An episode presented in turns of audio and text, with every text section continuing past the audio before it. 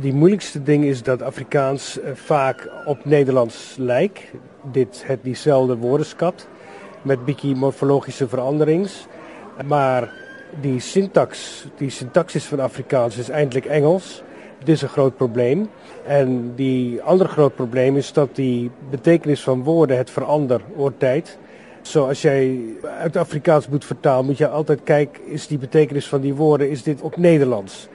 Dus die wordt aantrekkelijk, zij is nogal aantrekkelijk. Uh, het, een, het in, in Nederlands een andere uh, betekenis dan in Afrikaans. Zo, je moet altijd bewust wezen van die veranderings. Bij keren is die betekenis ongeveer diezelfde.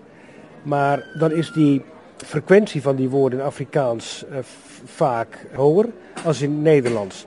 Zo praat mensen in Afrikaans van gulhartigheid, terwijl ons in Nederlands praat van ruimhartigheid.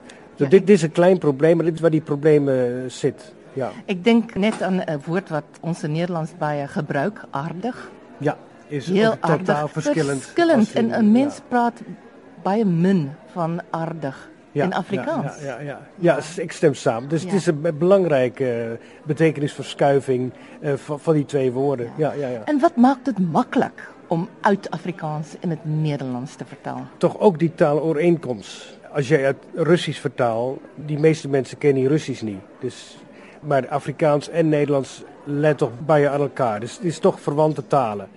Zo, dit is ook een hulpmiddel. Maar je moet altijd bewust wezen van die tallen valkuilen waar mensen als vertaler kan invallen. Die vrouw wat nou die vraag gevraagd door die tortelduif en die rooibosduif. Die eindelijke woord voor rooibosduif is palmtortel.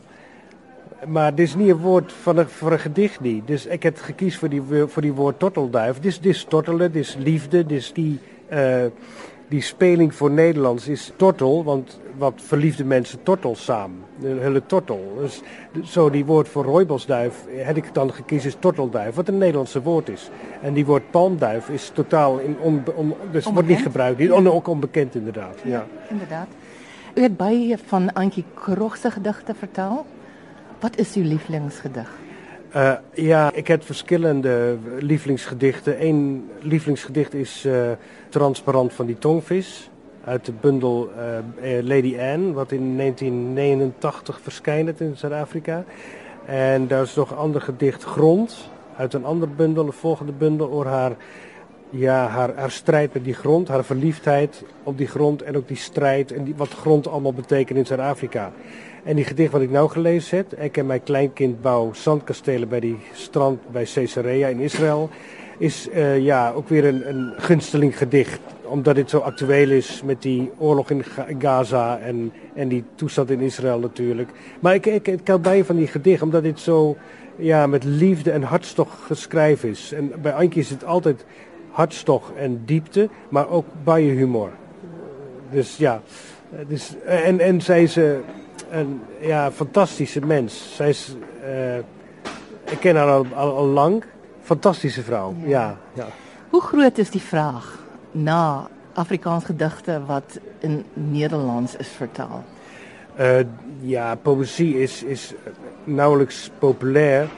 Ik, ik denk dat zo, zo omtrent 15.000 mensen wat regelmatig poëzie koopt, bundels koopt. Daar is wel belangstelling voor, voor poëzie. In, in Nederland is daar is baie goede dichters in Nederland. Namen zoals Breitenbach, uh, Krog, in mindere mate Stokkenstroom en Charpien Audet. En natuurlijk Eibers, wat in Nederland een zeer belang, belangrijke factor was voor die poëzie.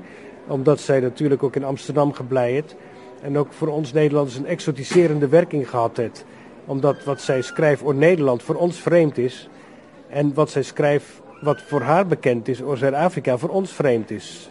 Ze heeft een goede, eh, belangrijke rol gespeeld bij die, bij die waardering voor Afrikaanstalige poëzie in Nederland. Zij is wel een, een spil geweest daarin. En Breiten Breitenbach is ook altijd in Nederland een bekende persoon geweest. Vanaf die tijd in die zestiger jaren dat hij Nederland toe kwam. Dus ik zou zeggen, die oude dichters is dan Breitenbach en Eibers. En die nieuwe dichters is dan vooral Antje Krog. Hoe zien u die toekomst van die Afrikaanse taal? Gerrit Komrij had het verwoord tijdens een bijeenkomst een aantal jaren geleden.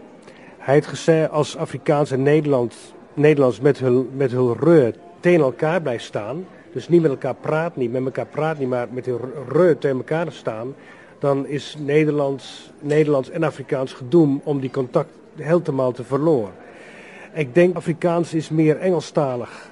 Het meer Engelstalig geworden. Een keren zien mensen letterlijke vertaling van Engels in Afrikaans. En ik denk Afrikaans zou kon leren van, van Nederlands. En, maar dit gebeurt niet. Ik denk niet, dit gebeurt niet. Er is nou een uitwisseling tussen schrijvers en, en taalkundigen misschien.